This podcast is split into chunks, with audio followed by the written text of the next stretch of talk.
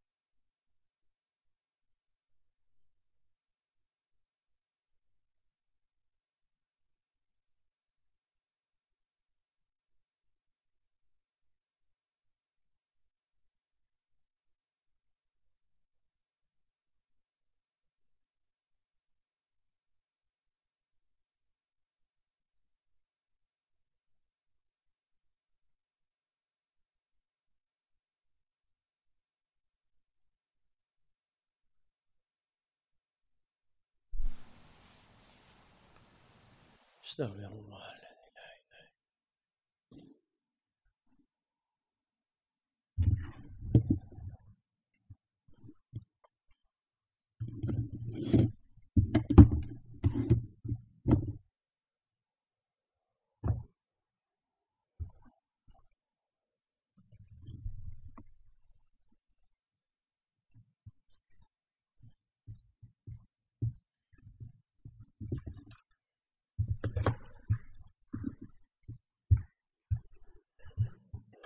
الله استغفر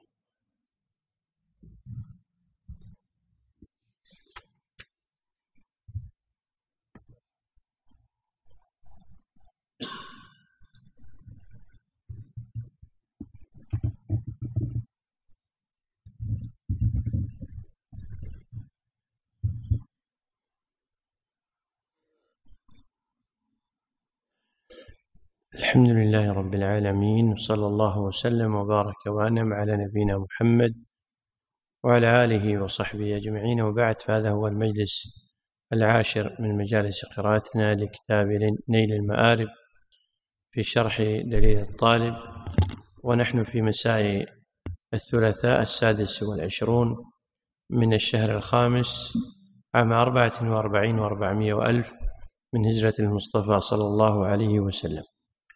كنا قد وقفنا على قول المصنف من تيقن الطهارة وشك في الحدث. فنبدأ على بركة الله ونسأله جل وعلا أن يرزقنا وإياكم العلم النافع والعمل الصالح. نعم. الحمد لله صلى الله وسلم على رسول الله وعلى آله وصحبه ومن والاه. أما بعد اللهم احفظ لنا شيخنا واغفر له ولوالديه ولنا ولوالدينا والمسلمين أجمعين. قال المصنف رحمه الله تعالى ومن تيقن الطهارة وشك في الحدث أو تيقن الحدث وشك في الطهارة عمل بما تيقن وهو الطهارة في, في الأولى والحدث في الثانية. لحديث عبد الله بن زيد رضي الله عنه قال شكي إلى النبي صلى الله عليه وسلم الرجل يخيل إليه أنه يجد الشيء في الصلاة. فقال صلى الله عليه وسلم لا ينصرف حتى يسمع صوتا أو يجد ريحا متفق عليه ولو عارضه ظن. ختم المصنف رحمه الله آه، فيما يتعلق في نواقض الوضوء الثمانية. ذكر بعد هذه النواقض الثمانية النواقض المشتركة وأنها أي النواقض الثمانية السابقة هي نواقض للوضوء ونواقض لمن مسح سواء كان على الخف أو الجورب أو كان على الجبيرة. وكذلك هي نواقض بالنسبة للمستحاضة ومن له حكم سلس البول. لكن ذكر بعد ذلك النواقض المخصوصة بالنسبة للابس الخف أو الجورب أو الجبيرة بأن مجرد الخلع ينقض الوضوء. كذلك ذكر أن مجرد الانتهاء من المدة بالنسبة للماسح على الخف والجورب ينقض الوضوء. وبالنسبة للمستحاضة ومن في حكمها كمن به سلس البول أو سلس الريح مجرد خروج الوقت ينقض وضوءها أو وضوءه. ثم ذكر قاعدة مهمة في التعامل في الوضوء. الناس في الوضوء ثلاثة أصناف. صنف متيقن الجانب الإيجابي وهو الطهارة. ثم وقع منه الشك في الحدث. وصنف على عكسه متيقن من الحدث وهو الجانب السلبي. لكن شك هل توضأ أو لم يتوضأ. ومن يستوي عنده الطرفان. لا يعلم أيهما الذي هو عنده أسبق.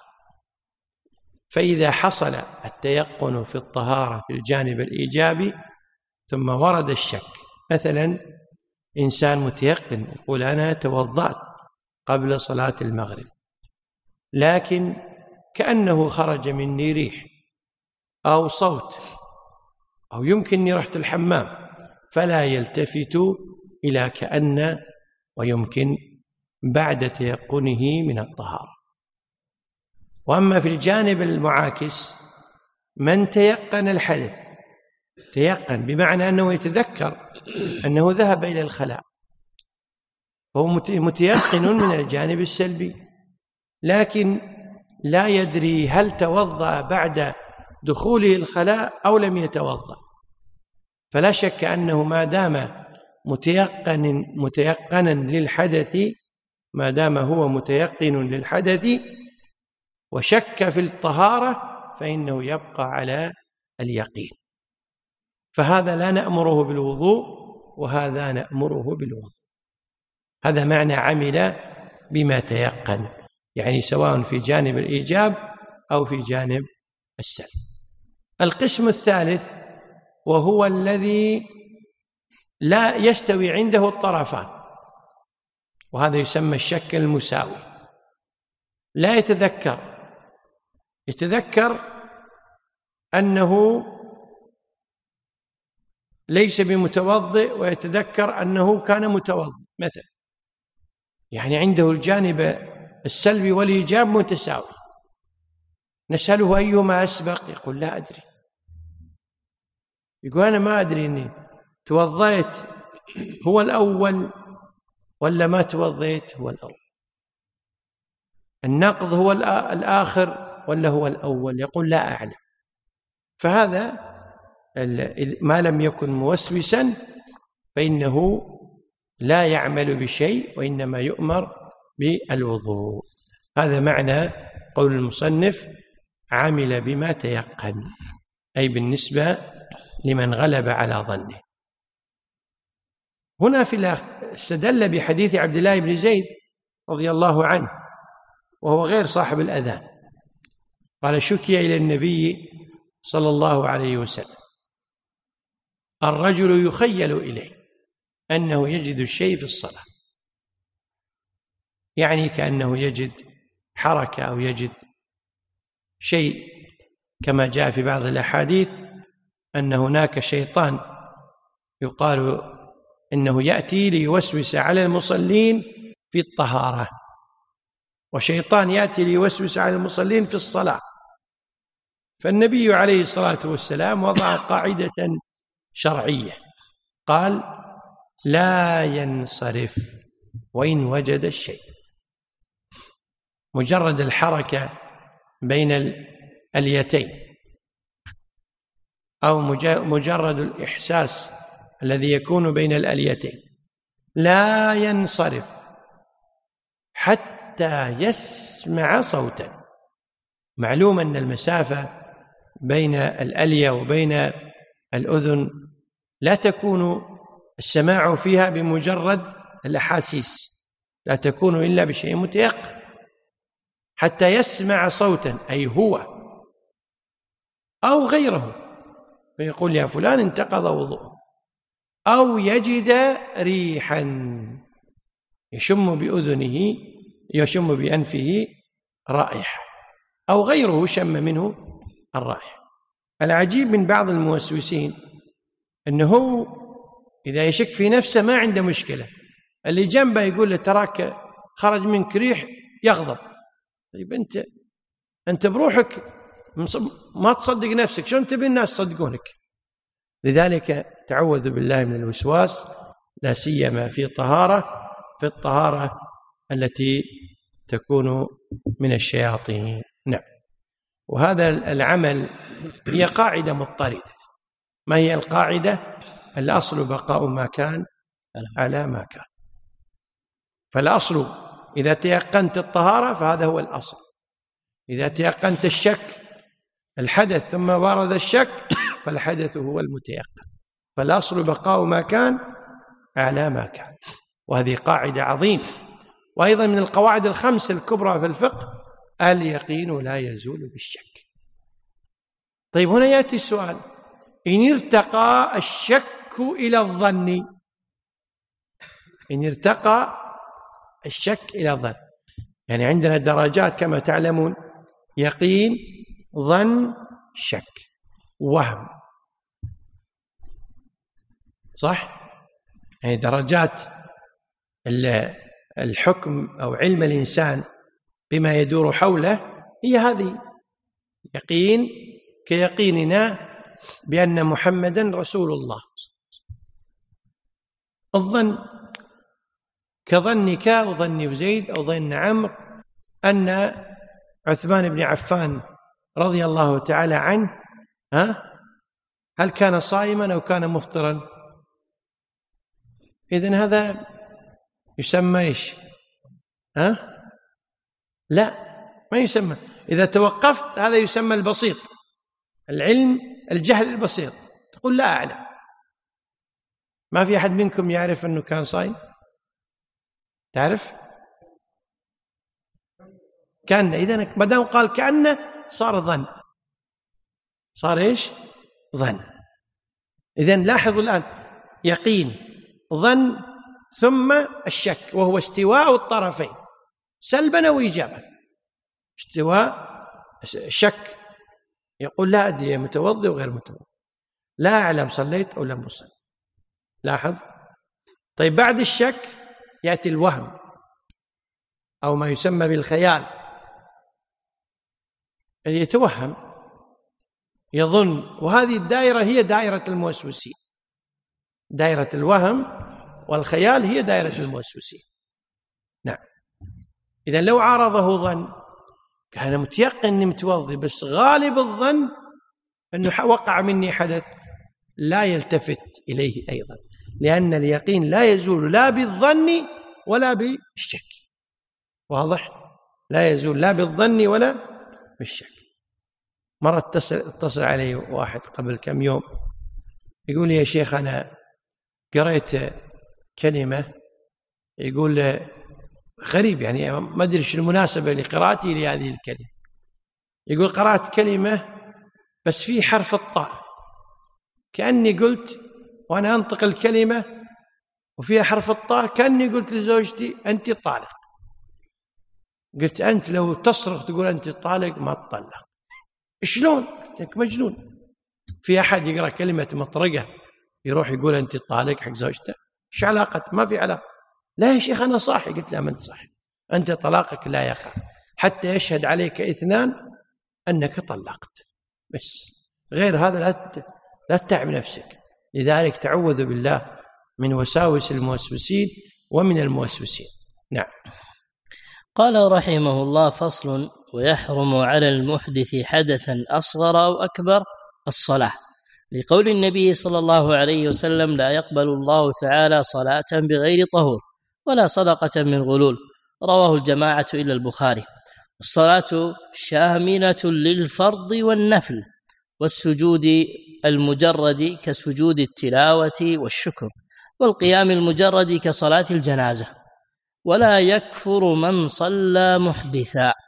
شرع المصنف رحمه الله في هذا الفصل في بيان ما يحرم على المحدث سواء كان حدثه أصغر وهو الأخف أو كان حدثه أكبر وهو الأعظم.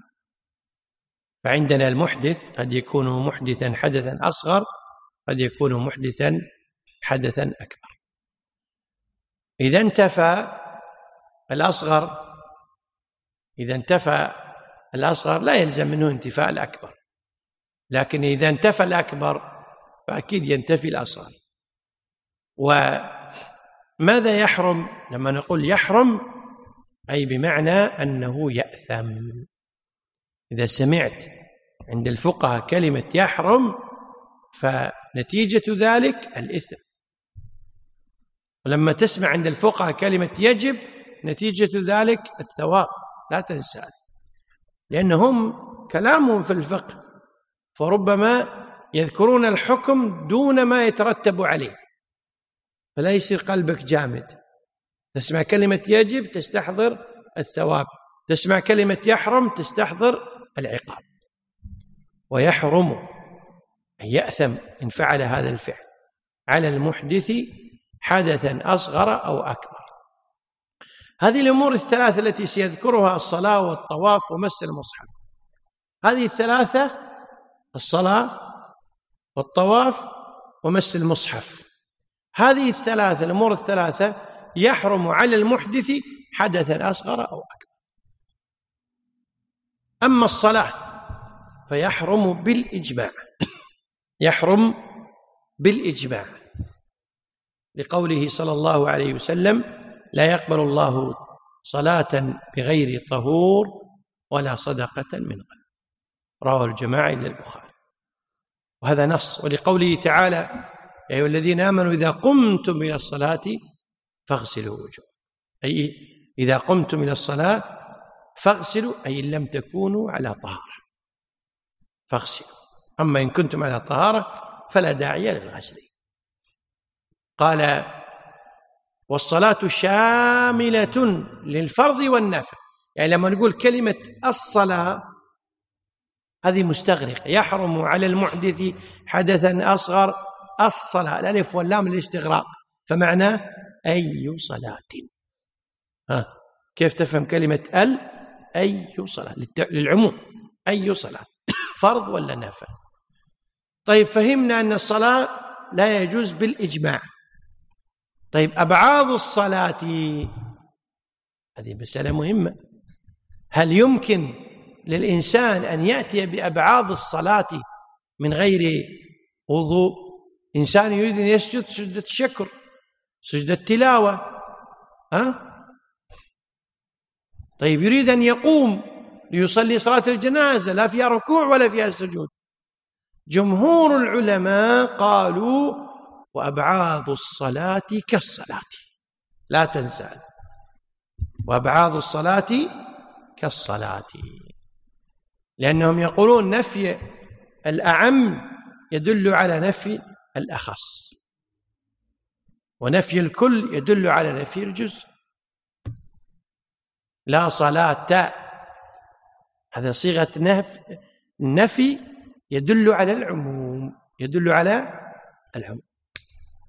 ومن أهل العلم من قال أن سجود الشكر على وجه الخصوص قالوا لا يحتاج إلى طهارة. و آه، هذا القول هو رواية الإمام أحمد ونصره شيخ الإسلام ابن تيمية. وأما صلاة الجنازة فاتفقوا على وجوب الطهارة لها واختلفوا في جواز التيمم لمن خاف فواتها مع وجود الماء. بس هذه الصورة الوحيدة اللي اختلفوا فيها. والصواب أنه لا يصليها إلا بطهارة تامة. ما دام الماء موجود يتوضأ. حتى وإن فاتته الجماعة يصلي على الميت مرة أخرى أو عند القبر. ثم ذكر قال والقيام المجرد كصلاة الجنازة. ولا يكفر من صلى محدثا. ليش الشارح ذكر هذه الجزئية؟ لأن من الفقهاء ومنهم فقهاء الحنفية يقولون رحمهم الله من صلى محدثا عامدا يكفر ليش؟ قالوا لأنه مستهزئ والاستهزاء كفر. ولذلك الشارح أراد رد هذا القول قال ولا يكفر من صلى محدثا. طبعا ما لم يكن مستهزئا لا ما لم يكن آه، لعوبا. فإن كان لعوبا أو مستهزئا هذه مسألة أخرى يرجع إلى حكم التكفير في مسائل الاستهزاء ومسائل اللعب بالدين. قل بالله وآياته آه، والصلاة من آيات الله. ورسوله كنتم تستهزئون لا تعتذروا قد كفرتم بعد إيمان. قد يقول قائل ما الفرق بين القول الثاني والأول؟ يعني الحنفية وفقهاء الحنفية ومن معهم يقولون الصلاة بغير وضوء قصدا دليل على الاستهزاء لازمه الاستهزاء. ولكن نقول التكفير لا يكون باللازم لا سيما عند عامة أهل السنة والجماعة خلافا لمن؟ خلافا للمرجئة الذين يرون في مسائل التكفير العمل باللازم. وأنها أمارة الملزوم. وخلافا للمرج... للخوارج الذين يكفرون باللازم. أنت تفعل كذا ويلزم منه كذا إذا أنت كافر. أنت قلت كذا ويلزم منه كذا إذا أنت فاسق. وهذا يسمى اللازم. أنت تمشي مع فلان وفلان مبتدع إذا أنت مبتدع. هذا يسمى اللازم. هذه منين أخذوها؟ هذا يعني على الإطلاق هو قول الخوارج. هذا باب خطير. وذلك المصنف قال ولا يكفر من صلى محدث. إلا إذا قال إني أستهزئ أو إني ألعب بدين. وهنا نقول فعله في نفسه كفر لا أنه يدل على الاستهزاء. هذه مسألة أخرى. نعم. قال رحمه الله ويحرم عليه أيضا الطواف ولو نفلا لأن الطهارة شرط فيه. الطواف يشترط آه، له الطهارة عند جماهير العلماء. قلنا الصلاة إجماعية والطواف عند الأكثر. خلافا للحنفية فإنهم يرون أن الطهارة للطواف ليس شرطا. وجمهور العلماء يقولون الطواف شرط. ما دليلهم على أن الطهارة شرط للطواف؟ استدلوا أولا بالقرآن في قوله جل وعلا طهر بيتي للطائفين والعاكفين والركع السجود فلما ذكر الطائفين وذكر العاكفين وذكر الركع السجود. علمنا بالإجماع أن الركع السجود لا بد لهم من الطواف من الوضوء. وعلمنا بالإجماع أن المعتكف لا يلزم له الوضوء. فبقي الطواف بلا علم فبأيهما نلحق؟ قال هنا إجماع هنا إجماع. فنلحقه بإجماع الصلاة. من أي باب؟ قالوا من بابين. الأول أن الشارع جعله تحية المسجد الحرام. فأقامه مقام الصلاة. والثاني أنه قال الطواف بالبيت صلاة. فأخبر أنه صلاة. ما دام أخبر أنه صلاة ثم قال لا صلاة إلا بطهور. دخل في العموم ولا ما دخل؟ دخل.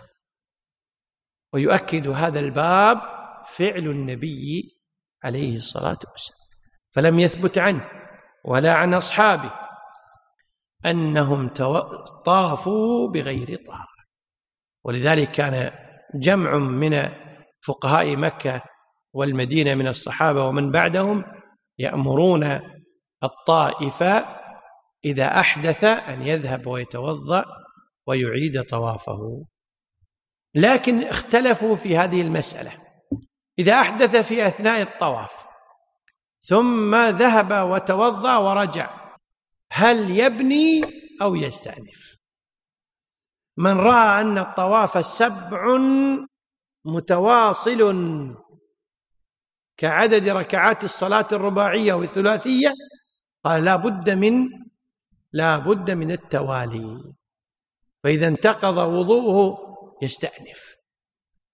ومن رأى أن كل طوفة هي عبادة مستقلة وأن الموالاة بينها شرط للصحة ويجوز تأخير هذا الشرط لانشغال بما يصلح الطواف بدليل تقبيل الركن تقبيل الحجر الأسود استلام الركن ونحو ذلك قالوا إذن لا يستعجل. والراجح أنه إذا لم ينشغل إلا بالطهارة أنه لا يستأنف. نعم. قال رحمه الله ويحرم عليه أيضا مس المصحف. بقوله تعالى لا يمسه إلا المطهرون وهو خبر معناه النهي. وبعضه وحواشيه وبعضه وحواشيه ببشرته بلا حائل ولو بغير يد حتى الورق الأبيض. ويحرم مس بعضه. نعم. لأنه معطوف على المصحف. لأن قال وبعض أي وبعض المصحف أي ومس بعضه. نعم. أحسن عليك. وبعضه وحواشيه ببشرته بلا حائل ولو بغير يد حتى الورق الأبيض المتصل به. ولو كان الماس صغيرا إلا بطهارة كاملة. ولو تيمما سوى مس سوى مس سوى مس صغير لوحا فيه قرآن. فلا سوى مس صغير لوحا فيه قرآن. نعم. فلا يحرم مسه للوح من المحل الخالي من الكتابة. ولا يجوز تمكين الصغير من المحل المكتوب فيه أما مسه بحائل فلا يضر كتصف كتصفحه بكمه أو عود وحمله بعلاقة وفي كيس. ولا يحرم مس التفسير ومس ومنسوخ التلاوة وإن بقي حكمه. ومس المأثور عن الله تعالى كالأحاديث القدسية والتوراة والإنجيل. نعم هذا هو الثالث. مما يحرم على المحدث وهو مس المصحف وهذا باتفاق السلف وهذا باتفاق السلف لا نعلم بينهم خلافا حتى جاء الظاهرية كداود بن علي وتبعوا على ذلك ابن حزم وزعموا بأنه لا. لا بأس بمس المصحف من غير طهارة وهذا القول فيه نظر. الصواب قول عامة الفقهاء وهو قول السلف لا يجوز مس المصحف إلا بطهارة. لقوله تعالى لا يمسه إلا المطهر. بالإجماع لا يمسه الضمير راجع إلى المصحف الموجود المكنون في اللوح المحفوظ. فلا أقسم بمواقع النجوم وإنه لقسم لو تعلمون عظيم. إنه لقرآن كريم. إنه لقرآن كريم. في كتاب مكنون لا يمسه. أي هذا القرآن الكريم الموجود في الكتاب المكنون لا يمسه إلا المطهر. قال المصنف وهو خبر. وهو خبر. ماذا نستفيد من هذا الخبر؟ لابد دائما يعني هذا غائب في أذهاننا لما نقرأ القرآن. أنت الآن تقرأ الحمد لله رب العالمين. خبر. ماذا تستفيد منه؟ احمد الله. قول الحمد لله. أحمد الله. هذا معنى الخبر دائما يقتضي مدحا أو ذما. يقتضي عملا إيجابيا أو عملا يجب أن تتركه. هذه الأخبار هكذا. وإلا لماذا يخبرنا الله عن هذه الأخبار؟ هي للعظة. إن كان إيجابا لنعمل. إن كان سلبا لنجتنب. إذا لا يمسه إلا المطهرون تنزيل من رب العالمين. فالذي في اللوح المكنون القرآن الكريم لا يمسه إلا المطهرون. ومن هم؟ الملائكة. مطهر. لما أنت تقول مطهر غير طاهر ترى. شو الفرق؟ في في صيغة مبالغة بين طاهر ومطهر. المطهر صيغة مبالغة. طهر يطهر فهو مطهر.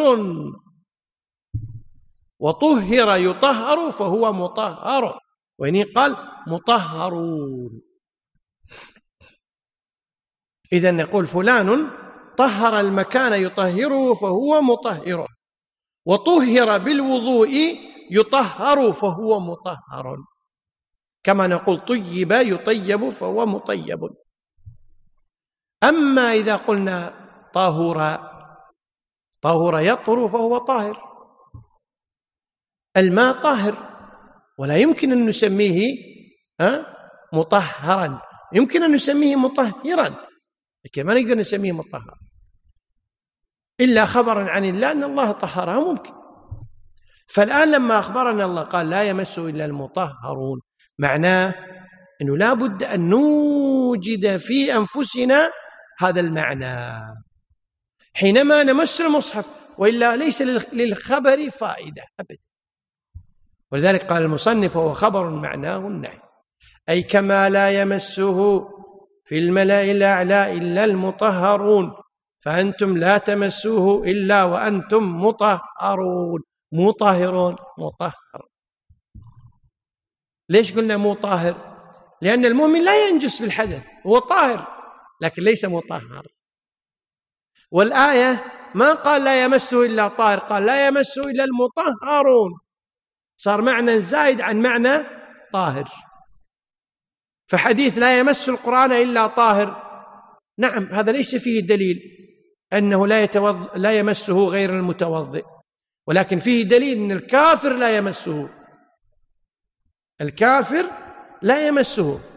فإن قال قائل لما الكافر لا يمسه؟ قلنا لأنه نجس. ليس أهلا لأن يمس المصحف.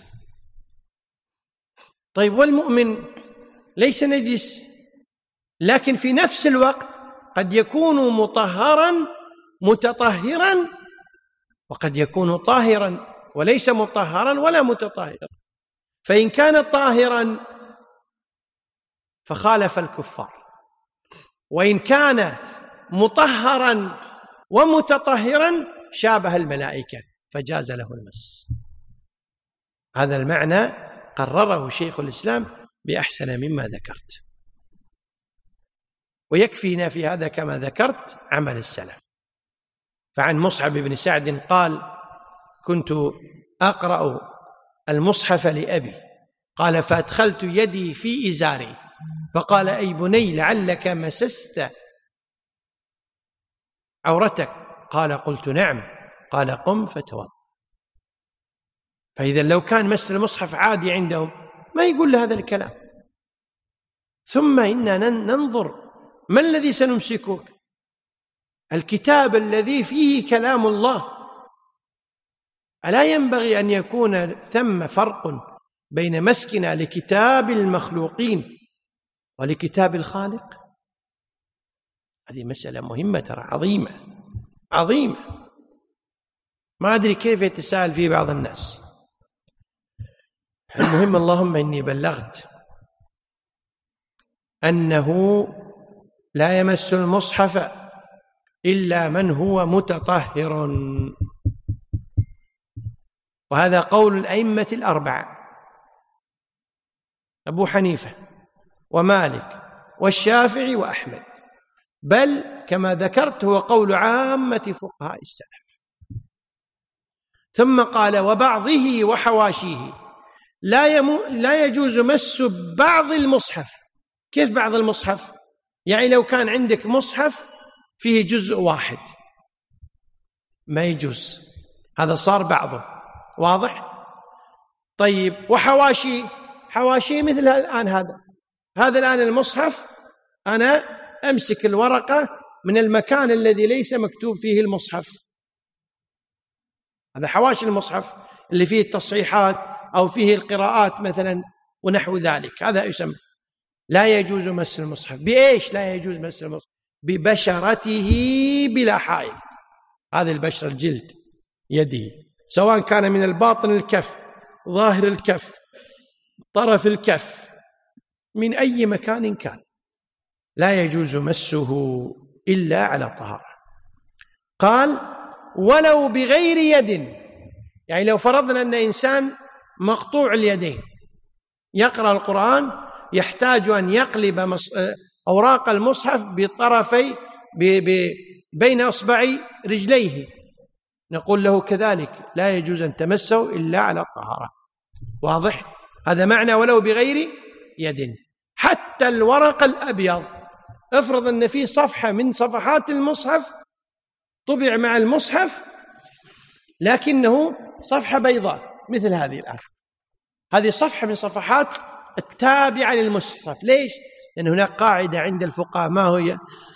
التابع تابع. التابع تابع. ما دام التابع تابع فيتشرف بملاصقته ومقاربته لكلام الله عز وجل. فيشرف بشرف القرب. فيشرف بشرف القرب. قال ولو بغير يد حتى الورق الأبيض المتصل به ولو كان الماس صغيرا أيضا لا يجوز أن نمكن أولادنا الصغار من مس المصاحف. نعلمهم تعظيم المصحف. يا ولدي لا تمسك المصحف أنت لست متواضع. إلا بطهارة كاملة أي من الحدثين الاكبر والاصغر ولو تيمما طبعا يجوز للمتيمم أن يمس المصحف لأنه ها؟ عند الجمهور يعتبر قد ارتفع حدثه. أما عند الحنابلة فهل التيمم رافع للحدث أو مبيح؟ المذهب عند الحنابلة أن التيمم مبيح وليس رافعا للحدث. وبناء على قول المعتمد في المذهب أن التيمم رافع للحدث. أن التيمم مبيح وليس رافعا للحدث قالوا لا يجوز له ان يمس المصحف. فيبقى بدون مس للمصحف حتى يتوضأ وضوءا تاما. وفي رواية عن الإمام أحمد موافقه للجمهور بأن التيمم رفع للحدث بدل عنه. قال سوى مس صغير لوحا فيه قرآن. آه، إلا سوى هنا بمعنى إلا. إلا إذا مس صغير. إلا إذا كيف تفهم العبارة؟ سوى مس صغير. هي سوى هنا بمعنى إلا أو غير. إلا إذا مس صغير لوحا فيه قرآن. اللوح في العادة ما يكون فيه كل القرآن وإنما يكتب فيه بعض السور فهو يمسك اللوح. لا بأس من أن يمسك اللوح الذي فيه القرآن. قالوا لوجود الضرورة يتعلم مثلا يحفظ مثلا. فلا يحرم مسه للوح من المحل الخالي من الكتاب ولا يجوز تمكين الصغير من المحل المكتوب فيه. هذه مسألة مهمة. أما مسه بحائل فلا يضر. هذه قضية مهمة.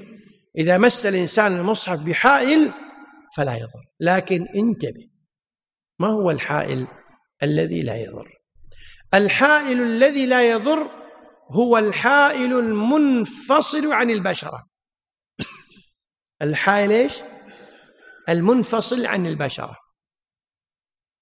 يعني مثلا الآن أضرب لك مثال. أنا لو أخرجت كمي هذا وناولت البشتة من طرف الكم لامرأة أجنبية هل أنا مسستها؟ يجوز؟ يجوز. ما مسستها. بهذه الطريقة تفهم أنه يجوز مس المصحف بشيء منفصل عن البشرة. فلو أنا قلبت. قلبت أوراق المصحف بشيء منفصل كطرف الكم مثلا الذي يمكن أن ينفصل لا بأس به. لكن لو كانت المرأة مثلا لابسة دسوس انتبه هذه الدسوس تقول أنا لابس دسوس أنا لابس قفاز. هذا الصحيح أنه لا يجوز.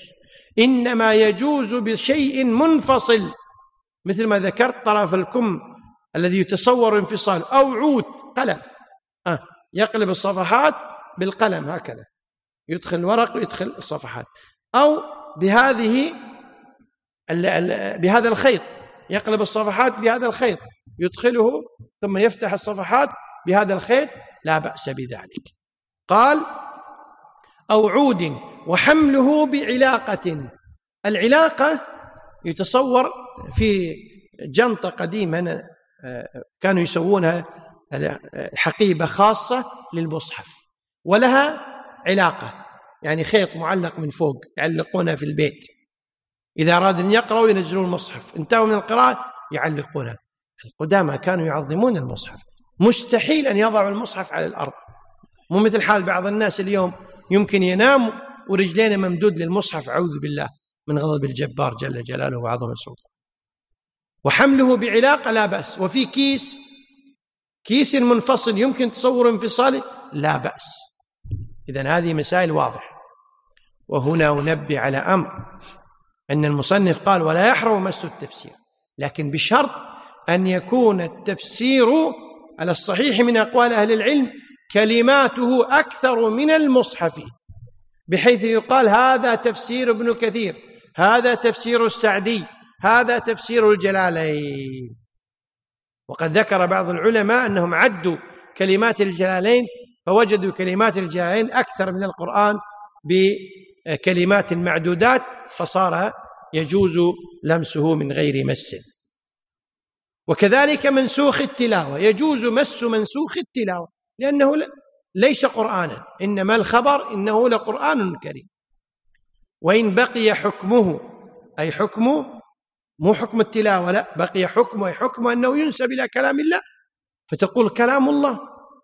ومس المأثور عن الله ولا يجوز مس المأثور عن الله تعالى. ولا يحرم عفوا ولا يحرم مس المأثور عن الله تعالى. أنت تقول آه، وفي الإسرائيليات قال الله تعالى مثلا كالأحاديث القدسية والتوراة والإنجيل. تقول قال الله عز وجل يا عبادي إني حرمت الظلم على نفسي. فإذا كتبته يجوز أن تمسه لا بأس بذلك. كذلك التوراة يجوز لماذا؟ لأنه وقع فيه التغيير والتحريف. والإنجيل يجوز أن تمسه بغير طهارة لماذا؟ وقع فيه التحريف والزيادة والنقص. وهنا أنبه على أمر أن بعض الناس مع الأسف الشديد يريد أن يقلب صفحات المصحف ماذا يفعل؟ يجعل إصبعه على لعابه ثم يقلب أوراق المصحف. نص جمع من الفقهاء أن هذا الفعل مكروه كراهة شديدة. يعني فيه سوء أدب مع كتاب الله عز وجل. قد يقول كيف أقلب المصحف؟ المسألة سهلة. أفتح أي مكان بالطريقة هذه شوف. لن ينقلب بهذه الطريقة إلا صفحة واحدة لو جربت من هنا إلى بكرة لن ينقلب إلا صفحة. بس اعمل هكذا خلاص لن ينقلب إلا صفحة المسألة سهلة. وإذا اقتضى الأمر تبليل أطراف الأصابع ضع عندك ماء. ضع عندك ماء طاهرا. واقلب فيه الصفحات بهكذا بهذه الطريقة. نعم. قال رحمه الله ويزيد من عليه غسل على من هو محدث حدثا أصغر بشيئين. قراءة القرآن أي قراءة آية فصاعدا. رويت كراهة ذلك عن عمر وعلي رضي الله عنهما. لا بعض آية ولو كرره. ما لم يتحيل على قراءة تحرم عليه. وله تهجيه والذكر. وقراءة لا تجزئ في الصلاة لإصرارها. وله قول ما وافق القرآن ولم يقصده كالبسملة التحميد وآية الاسترجاع وآية الركوب واللبث في المسجد بلا وضوء ولو مصلى عيد فإن توضأ جاز قال الشيخ وحينئذ فيجوز أن ينام فيه حيث ينام غيره وإن كان النوم الكثير ينقض الوضوء فلو تعذر الوضوء واحتيج إليه جاز من غير تيمم نصا. واللبث بالتيمم أولى ويتيمم للبثه فيه لغسل إذا تعذر الوضوء عليه. هنا ذكر ما يحرم على المحدث. يحرم على المحدث حدثا أكبر الثلاثة الأمور الماضية الصلاة والطواف ومس المصحف ويضاف إليه عند جماهير الفقهاء أن من عليه حدث أكبر كالجنب والحيض. والنفساء يحرم عليهم قراءة القرآن ويحرم عليهم اللبث في المسجد. قراءة القرآن والمكث في المسجد. وقراءة القرآن المقصود به آية فصاعدا. أما إذا كان أقل من آية فهنا لا يأثم. قال رويت كراهة ذلك عن عمر وعلي رضي الله عنه. طبعا رويت كراهة قراءة القرآن بالنسبة للجنب عن عدد من السلف غير عمر وعلي من الصحابة والتابعين. و وحديث لم يكن يحجزه شيء من القرآن خلل الجنابة حديث ضعيف لكنه روي موقوفا على علي رضي الله تعالى عنه ومرفوعا. والصواب أنه ينبغي لمن عليه الجنابة أن لا يقرأ شيئا من القرآن. قال لا بعض آية ولو كرره. يعني لو كرر بعض آية لا بأس. ما لم يتحيل على قراءة تحرم. يعني كيف يتحيل؟ يعني يكرر جزء من الآية. ثم يقف ثم يكرر الجزء الثاني ثم يقف ثم يكرر الجزء الثالث ثم يقف. بهذه الطريقة ينتهي من الآية. هذه قراءة محرمة عليه. فلا يجوز. أو أو آه لا بعض آية ما لم يتحيل على قراءة تحرم عليه. قراءة تحرم عليه قراءة التي تغير المعنى. فمثلا لو أنه قال الله لا إله هذه قراءة محرم لا يجوز. يقول لابد أكمل. يقول أنا ماني جنب. يقول من يخالف كمل. لا تقرأ هذه القراءة المحرمة. هذه من أوجه. وله تهجيه. ها؟ طبعا بالنسبة لي هنا يأتي السؤال هل يمكن للجنب أن يقرأ القرآن بنية أذكار النوم؟ بنية أذكار النوم. جوز ذلك بعض مشايخنا. ما معنى وله تهجي ها؟ تهجي القرآن. تهجي القرآن أنتم ما درستوا التهجي. حنا درسنا التهجي أنتم ما تعرفون. التهجي معناه تيجي تقرأ الحمد لله رب العالمين هكذا يقرؤون.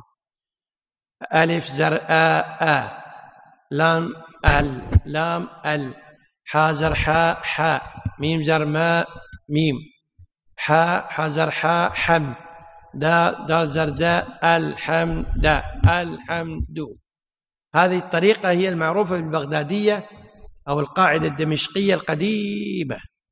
هذه الطريقة مخترعة من أيام الخلافة العثمانية وانتشرت في العالم الإسلامي وصاروا يعلمون الأولاد القراءة التهجدية أولا ويسمونه تهجي القرآن ثم إذا هج يسمونه قراءة الروان.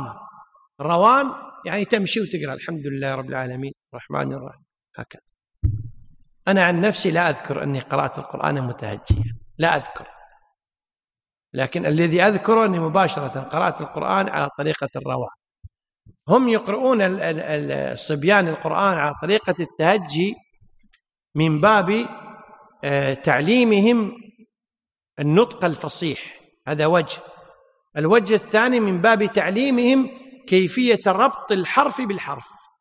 كيفية ربط الحرف بالحرف. يعني مثلا الحمد لله رب العالمين الرحمن يقول ننزر نا نا ننزر نر نر نر رحمن الرحيم عند الوصل يعني وهكذا. قال وله تهجيه والذكر إذا يجوز للإنسان أن يقرأ ما فيه الذكر سواء كان في أذكار الصباح أو في أذكار المساء. وقراءة لا تجزئ في الصلاة لإسرارها. إيش هي القراءة اللي ما تجزئ في الصلاة؟ هي التي نسميها إحنا اليوم قراءة تقرأها في نفسك بدون أن تحرك شفتيك بدون أن تحرك لسانك. هذه القراءة لا تحرم. هذه القراءة لا تحرم. لحديث النبي عليه الصلاة والسلام إن الله تجاوز لي عن أمتي عما حدثت به نفسه. فهذا خير وهو حدث به نفسه فلا يحرم عنه. وله قول ما وافق قرآنا ولم يقصده. كالبسملة. قال يلا بسم الله اكلوا. بسم الله الرحمن الرحيم أه؟ نبدأ. مثلا هذا لا يحرم. والتحميد لو قال الحمد لله الذي أطعمنا وسقانا الحمد لله رب العالمين. ما في بأس. وآية الاسترجاع. قال إنا لله وإنا إليه راجعون. ما يلزم الوضوء. إذا لأن القاعدة أن ما كان من باب الذكر ها مجهز. لا لا يلزم. قال وآية الركوب. سبحان الذي سخر لنا هذا وما كنا له لأنه ذكر ولا لا؟ ذكر ولا لا؟ إذن يجوز. واللبث في المسجد بلا وضوء. أي ويحرم اللبث في المسجد بلا وضوء. لحائض وجنب ومن في حكمهما. لكن لو توضأ لا يحرم. قال ولو مصلى عيد. حتى مصلى العيد. ينبغي للحائض إذا ذهبت إلى مصلى العيد أن تتوضأ وضوءا خفيفا. فإن توضأ جاز. وهذا بالاتفاق. فإن توضأ جاز. ما الدليل على أن الجنب لا يمكث في المسجد لقوله جل وعلا ولا جنبا إلا عابري سبيل حتى تغتسل. وحرمة المصحف احفظها أعظم من حرمة المسجد. فإن كان لا يجوز للمحدث حدثا أكبر أن يجلس في المسجد إلا عابر سبيل مع الوضوء فلأن لا يمكن من مس المصحف من باب أولى. قال الشيخ طبعا إذا قال قال الشيخ المقصود به أبو العباس بن تيمية رحمه الله. قال الشيخ يعني تقي الدين وحينئذ فيجوز أن ينام فيه حيث ينام غيره ما دام جاز له أن يمكث فيه وهو على وضوء وإن كان عليه حدث أكبر فيجوز له أن ينام. إنسان معتكف اعتكف ثم أحدث حدثا أكبر. احتلم. فذهب ليتوضأ ليغتسل وجد المواضع مغلقة. فأخذ ماء من بين يديه وتوضأ ثم رد رجع ونام. جاز وإن كان النوم الكثير ينقض الوضوء. طيب النوم الكثير ينقض الوضوء. فما الفائدة من الوضوء؟ الفائدة من الوضوء كالفائدة من الوضوء عند ما نقول للجنب إذا أراد أن ينام يتوضأ ثم ينام. فلو تعذر الوضوء واحتيج إليه جاز من غير تيمم نصا طبعا هذا عند الضرورة.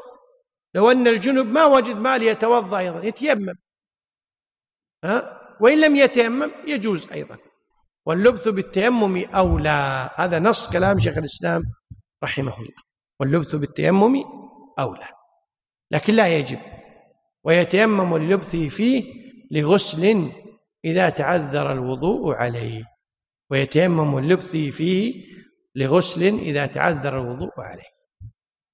يعني هذه أيضا من المسائل المهمة إذا أراد أن يلبث في المسجد ليغتسل فيه فليتيمم لأجل اللبث يعني هو قال أنا بغتسل بس الحمامات مو مفتوحة نقول توضأ وانتظر لكن لا تنتظر بدون وضوء.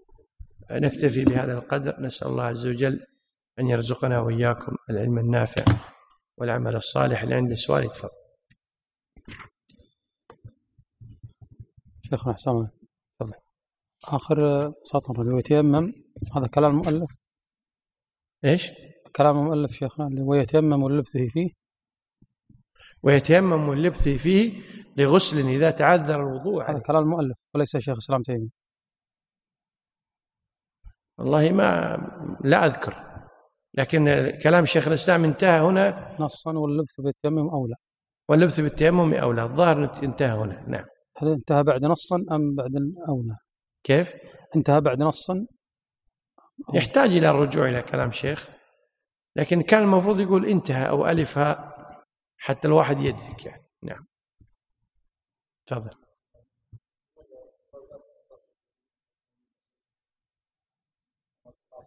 سؤال وجيه لماذا القفازات لا تأخذ حكم المنفصل؟ لأنك إذا سلمت على امرأة وهي لابسة القفاز يجوز؟ لا ما يجوز لأن هذا مس. لكن لو مدت القلم فاستلمت القلم جاز إنه ما في لمس. واضح؟ نعم. حينئذ نقول الأولى لها أن تأخذ بطرف ردائها بطرف ثوبها. أحسن. نعم. الله أكبر الله أكبر. الله أكبر الله. الله أكبر الله أكبر. أشهد أن لا إله إلا الله. أشهد أن لا إله إلا الله. أشهد أن محمدا رسول الله. أشهد أن محمدا رسول الله. حي على الصلاة. حي على الصلاة. حي على الفلاح. حي على الفلاح. الله أكبر الله أكبر. الله أكبر لا إله إلا الله.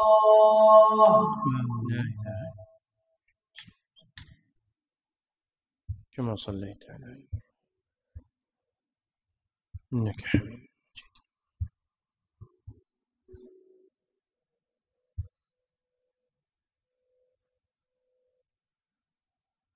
تفضل يا شيخ.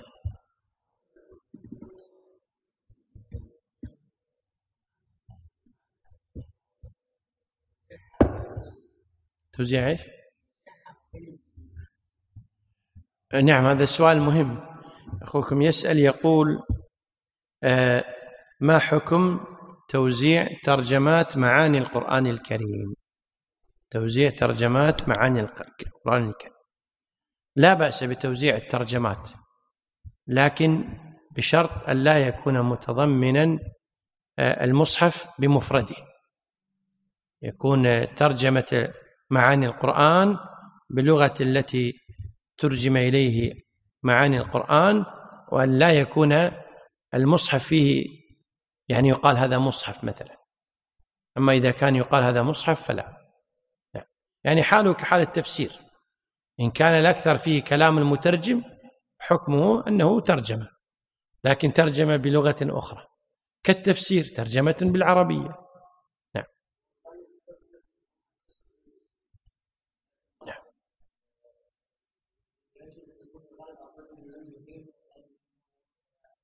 لا لا ما, لنا علاقة في في نياتهم ما دام أنه ليس بمصحف. نعم. نهى الرسول صلى الله عليه وسلم عن حمل المصحف إلى أرض العدو. المقصود هنا بالعدو الحربيين المعلنين الحرب على الإسلام. أما المعاهدين فلا نعم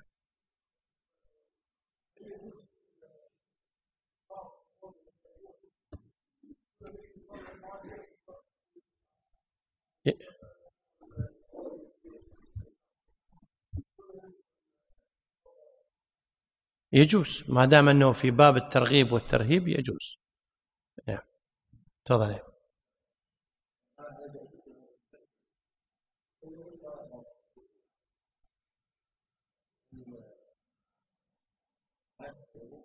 لا المتمكن آه، الجالس المتمكن وإن نام ولو نام نوما مستغرقا لا ينتقض نعم. سبحانك اللهم وبحمدك أشهد أن لا إله إلا أنت